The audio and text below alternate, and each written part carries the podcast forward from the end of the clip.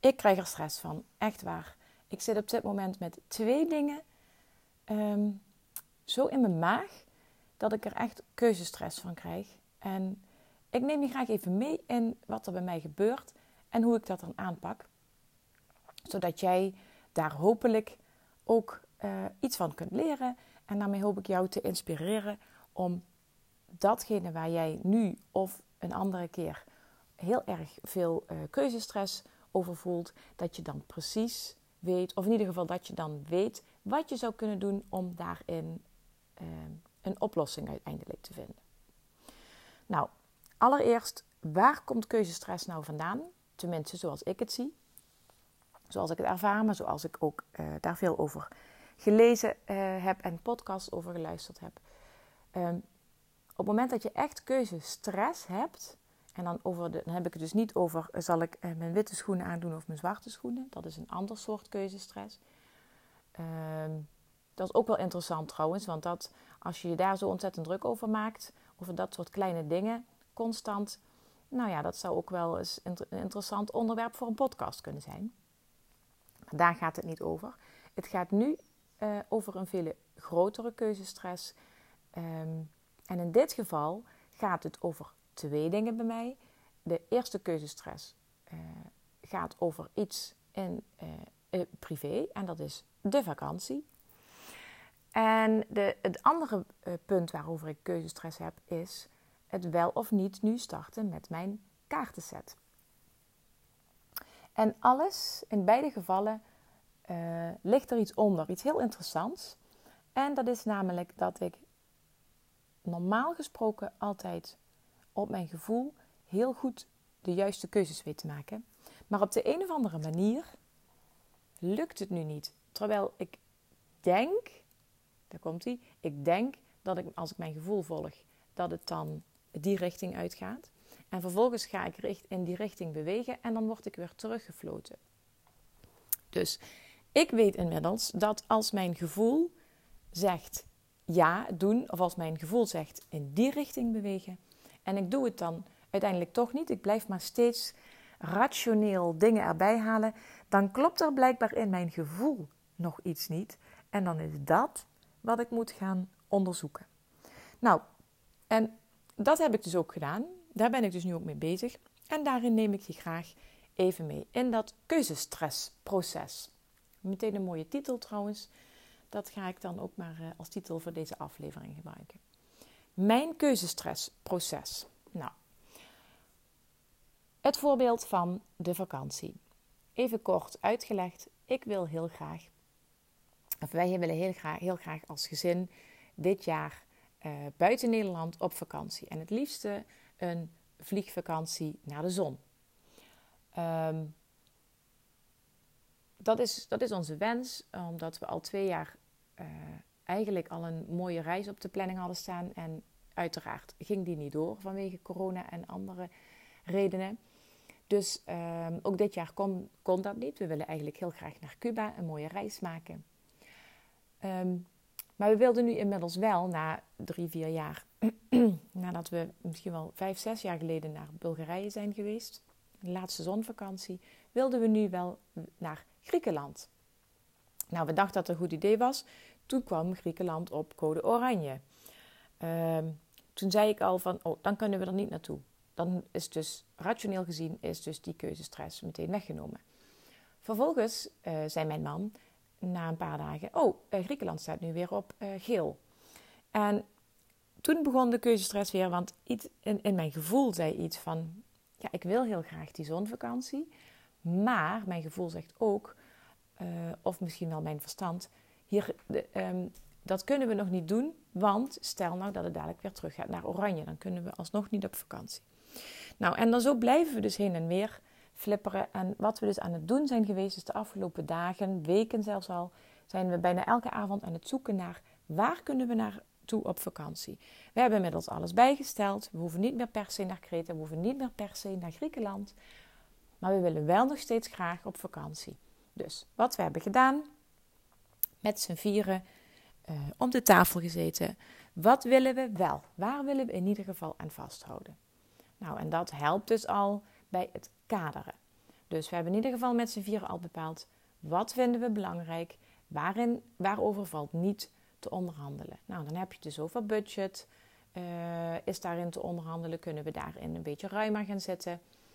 Uh, nou, dat hebben we bepaald. We hebben bepaald hoeveel dagen. Misschien moeten we het wat korter uh, of juist wat langer. Dat maakt het makkelijker om iets te vinden. moeten we misschien loskomen van de zeevakantie? Moet het per se aan een zee of kan het ook aan een meer? Nou ja, en een aantal dingen die we in ieder geval aan vast willen houden is um, dat het niet druk moet zijn, super druk. We houden niet van heel erg toeristisch. En dat we, op, dat we, dat we graag willen slapen in een appartement. Nou, dus we hadden dat besloten. En dan ook nog een appartement met twee verschillende slaapkamers vanwege de privacy met uh, puberdochters en uh, twee volwassenen op vakantie. Is fijn als je een beetje privacy kunt opzoeken als het nodig is. Nou, dus het was heel duidelijk gekaderd. Toen dachten we, nou, toen had ik er zin in. Daarmee ging ik op zoek. Nou ja, en toen bleek het dus toch weer niet zo makkelijk te zijn. Dus weer keuzestress. En wat ik vervolgens ben gaan doen vandaag, en dat is echt op het gevoel. Ik ben bij het reisbureau naar binnen gelopen. En ik kwam daar puur toevallig. Ik doe nu met mijn handen aanhalingstekens. Puur toevallig kwam ik langs het reisbureau en dat trok mijn aandacht omdat daar een bordje stond voor het raam stond van Cuba. Dus ik liep daar naar binnen met een soort vaag verhaal van ja, we wilden eigenlijk graag naar Cuba, dus het bordje trok mijn aandacht. Nou, en wat er dus nu gebeurd is, is dat deze, die mevrouw, die heeft me ontzettend fijn geholpen. Zij heeft de juiste vragen gesteld, waardoor ik uh, nog een keer op rij kon zetten wat we echt absoluut wel wilden. Um, en wat het budget was ongeveer. En op basis daarvan is zij gaan zoeken. En zij nam ook nog dus zij, stelde een aantal vragen, dat deed ze heel goed, waardoor ik nog alles op een rij kon zetten. En wat zij ook heel goed deed, was mij een soort van geruststellen en zeggen: um, als je bij een Nederlandse organisatie boekt, alles bij elkaar. Um, en uh, door corona mocht je toch niet kunnen gaan, omdat het, dat het land weer uh, op code oranje gaat. Dan krijg je gewoon je geld terug binnen 14 dagen. En dat was dus echt wel een geruststelling. Dus wat heb ik dus gedaan in dit keuzestressproces over de vakantie? We hebben met z'n tweeën en met z'n vieren hier thuis hebben we het op een rij gezet. Um, we zijn vervolgens gaan zoeken of dat paste. Toen we daar niet uitkwamen, um, heb ik dus inderdaad op basis van mijn gevoel ben ik daar zomaar spontaan naar binnen gelopen. En heb ik me dus laten adviseren en uh, door die reisorganisatie, door die mevrouw van het reisbureau. En uh, heeft zij mij ook ja, laten nadenken over wat ook alweer belangrijk was. Nou, en uiteindelijk zijn we nu in dat keuzestressproces, zijn we in de fase dat ik nu gewoon drie concrete voorstellen heb die in ieder geval op papier zover lijken te voldoen aan alle wensen van ons gezin. Dus nu hoef ik alleen nog maar vanavond, als iedereen thuis is, dat op tafel te leggen en te zeggen: Dit zijn de drie opties, waar gaan we naartoe? Nou, en het voelt nu al een stuk lichter. Oké, dan kom ik bij het. Ik weet niet of je er nog bent. Volg je het nog? Dan ben ik ook wel benieuwd uh, of je hier iets uithaalt. En of het nou gaat over je vakantiekeuze of over een ander soort keuze die hier op lijkt. Um, en dan mijn tweede voorbeeld. Uh, dat is iets anders en dat is ook wel interessant. Um, want mijn tweede keuzestressproces gaat dus over het wel of niet in gang zetten van het proces van mijn eigen kaartenset die ik wil graag, graag wil gaan laten maken. Uh, card deck heet dat in het Engels, maar ik zeg gewoon uh, stevast um, uh, kaartenset. En die kaartenset die, die staat al heel lang op mijn wensenlijst. En mijn gevoel zegt ja, gewoon doen. En ook ga ondertussen even wandelen.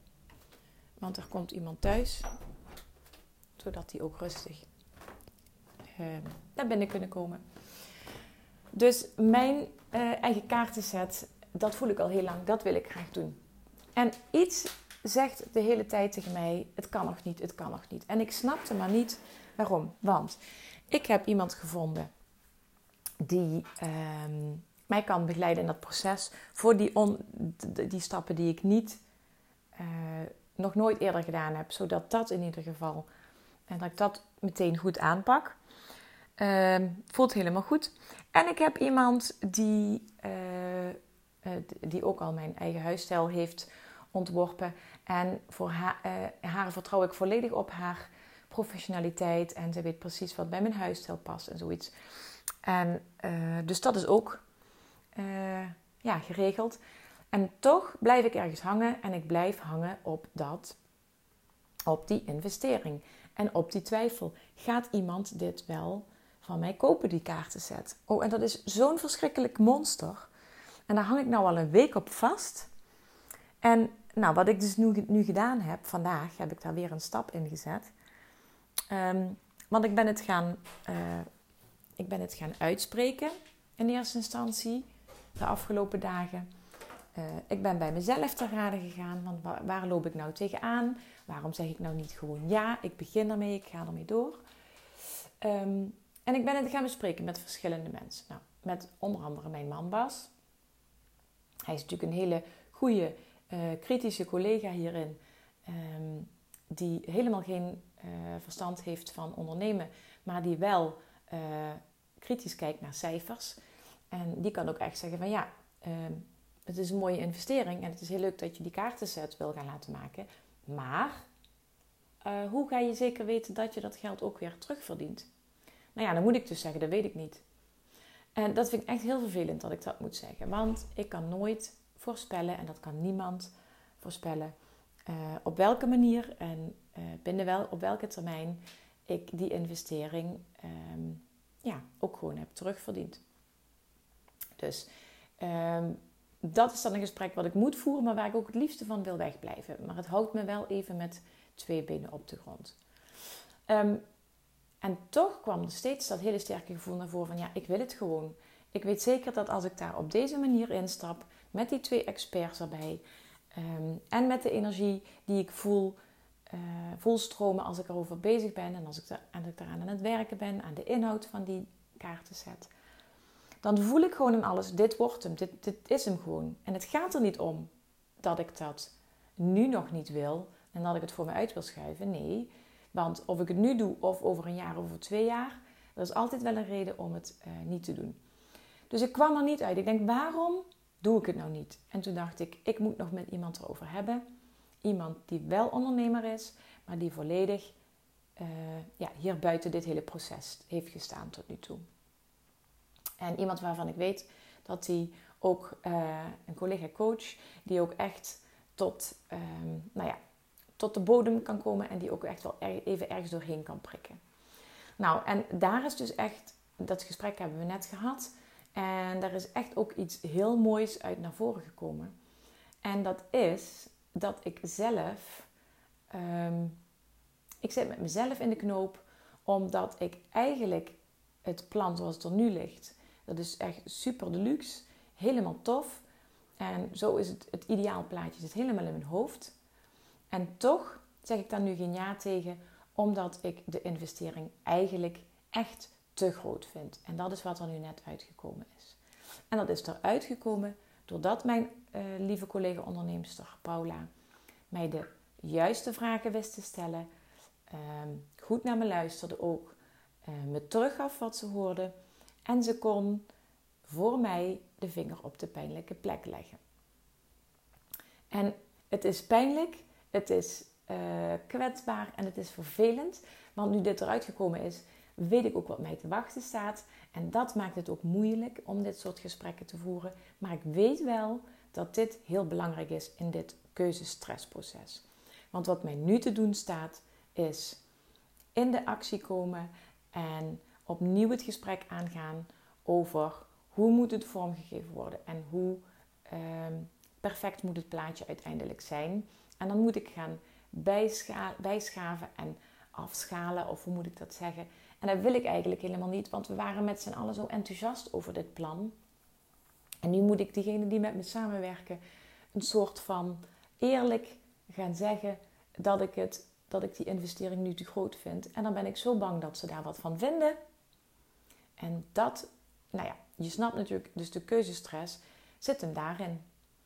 Want ik ben namelijk te veel bezig met dat ik die ander niet teleur wil stellen. En daardoor heb ik uiteindelijk de stress en durf ik nog niet volmondig ja te zeggen. Dus de stress is niet opgelost, maar ik weet wel nu waar de angel zit en ik zal die angel uit die bij moeten halen. En mijn vader zou dan zeggen: Ja, groot worden is niet makkelijk. En groot zijn al helemaal niet. En uh, daar heeft die goede man gelijk in, want uh, ik zit in een, een groeiproces als ondernemer. En dit soort keuzes maken, dit soort gesprekken aangaan met mensen waar ik mee uh, samen mag werken, dat vind ik gewoon super lastig, maar daarin zit wel op dit moment de groei voor mij. En terwijl ik hier dus over praat, voel ik ook de verlichting komen dat ik denk, ja, dit is het. Dit is ook het voorbeeld wat ik wil zijn voor jou als je naar deze podcast luistert. Want je loopt tegen keuzestressmomenten aan. En ik wil je laten inzien hiermee dat als je jezelf erop betrapt dat je al dagen, weken over iets heel erg aan het uh, dubben bent, heel erg uh, in die twijfel blijft zitten en van het ene been op het andere gaat. En dat je niet snapt hoe het nou kan zijn dat die keuzeoplossing of wat dan ook niet, er, er nog niet duidelijk is. Um, dan heeft dat ermee te maken dat er ergens nog iets niet klopt, dat je ergens iets nog niet goed uh, gezien hebt en dat je het zelf ook niet gaat zien. Dan heb je dus een spiegel nodig. Dan heb je dus een sparringspartner nodig. En ik kan dat voor je zijn, maar je partner kan het ook voor je zijn, of een collega of een goede vriendin. Dus dit is het advies wat ik hierin wil meegeven. Als je last hebt van dat keuzestressproces, ga dan uh, het gesprek aan met mensen die jou uh, hierin kunnen uh, spiegelen. En ga dan ook de, het gesprek aan met mensen waarvan je zeker weet dat ze niet zomaar met je meepraten. Want dat kan natuurlijk ook. Hè? Je kunt ook met mensen gaan praten hierover die, uh, uh, die het jou gunnen, die, jou, die met je meepraten, die eigenlijk ook jou niet verdrietig willen zien. Maar daar heb je dan niks aan, want dan wordt, wordt ja, uiteindelijk wordt het alleen nog, alleen nog maar lastiger om een keuze te maken. Want je hebt op dat moment heb je iets nodig of iemand nodig die met jou echt de diepte ingaat en die echt even gaat zitten krabben aan, die mug, aan dat muggenbultje, zodat het weer even open gaat. Zodat je, om maar even in de, uh, in, het, in de sfeer van nu te blijven met al die muggenbulten. Die, dat gaat jou helpen om dingen bloot te leggen waar je nu nog, wat je nu nog niet ziet. Oké, het is weer een heel verhaal geworden. En uh, nou, ondertussen, ik had al verteld over die kaartset, heb ik misschien al gezegd dat dat mijn happy project is. Ik voel ook dat dat, um, dat die energie was eruit en die wil ik weer voelen. Dus daarvoor moet ik even in actie komen. En um, nou, de vakantie, dat gaat helemaal goed komen. Dat, die kaartenset, dat gaat uiteindelijk ook helemaal goed komen. Ik voel dat ik het ga doen. Alleen de hoe, dat is nu nog even onduidelijk. En daar kom ik wel uit met mijn collega-experts. Um, en waar ik ook gewoon heel blij van word, is dat ik vandaag en gisteren een aantal mensen enthousiast heb gehoord over de verwenmiddag. En het begint een beetje te dringen, want volgende week zaterdag 10 juli is het al zover de verwenmiddag. En um, ik zit inmiddels, en dat ga ik ook gewoon heel eerlijk zeggen, ik zit nu op dit moment op drie uh, aanmeldingen. Heel veel mensen die interesse hebben, maar die nog die al allerlei andere dubbele agenda feestjes hebben. Dus als je nog twijfelt over, uh, of als je keuzestress hebt over of je op zaterdag 10 juli wel of niet aan de verwenmiddag mee gaat doen, nou, dan zou ik zeggen, doe dat dan in ieder geval alvast wel. Want dan kan die zeker doorgaan als ik dadelijk minimaal 8 aanmeldingen heb. Dus ben jij een van die vijf die zich vandaag of morgen nog gaat aanmelden? Uh, in ieder geval voor 3 juli, want dan weet ik of die definitief kan doorgaan. En uh, ja, ik zou willen zeggen, mocht je uh, tegen die keuzestressprocesfase aanlopen, uh, zoals ik dat net heb omschreven, dan wil ik heel graag jouw spiegel zijn. En dat kan al door gewoon gebruik te maken van mijn gratis kennismakingsgesprek. Misschien komt eruit dat je met één uh, ja, met één zo'n sessie van een half uurtje al eruit bent. En dan heb ik jou op weg geholpen. Daar ben ik dan ook heel blij mee.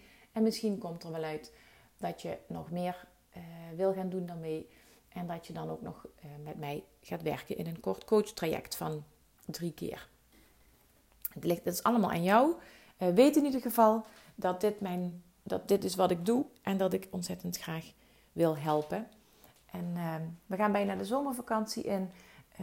ik ga, als het goed is, zoals het er nu naar uitziet dus, de eerste twee weken van de zomervakantie in Zuid-Nederland ga ik er tussenuit. Maar de eerste vier weken wil ik ook echt vakantie hebben. Dus, um, nou ja, tot ongeveer aan mijn verjaardag 20 juli ben ik nog aan het werk. En uh, dan pas weer van half, vanaf half augustus. Dus, um, nou, dat is in ieder geval duidelijk. Daar heb ik geen keuzestress over. Dat staat gewoon al vast. En uh, als je voor die tijd, voordat ik met vakantie ga, nog even met mij wil sparren, stuur me dan een berichtje en dan uh, maak ik nog even tijd voor je. Dat past nog wel in mijn agenda, geen probleem. Even kijken, hoe lang heb ik nu weer gekletst? Oh, ik dacht ik doe een korte en het is toch alweer 21 minuten. Bedankt voor het luisteren. Ik wens jou een dag zonder al te veel keuzestress. En uh, je weet het, zorg goed voor jezelf, dan kun je er ook voor de ander zijn.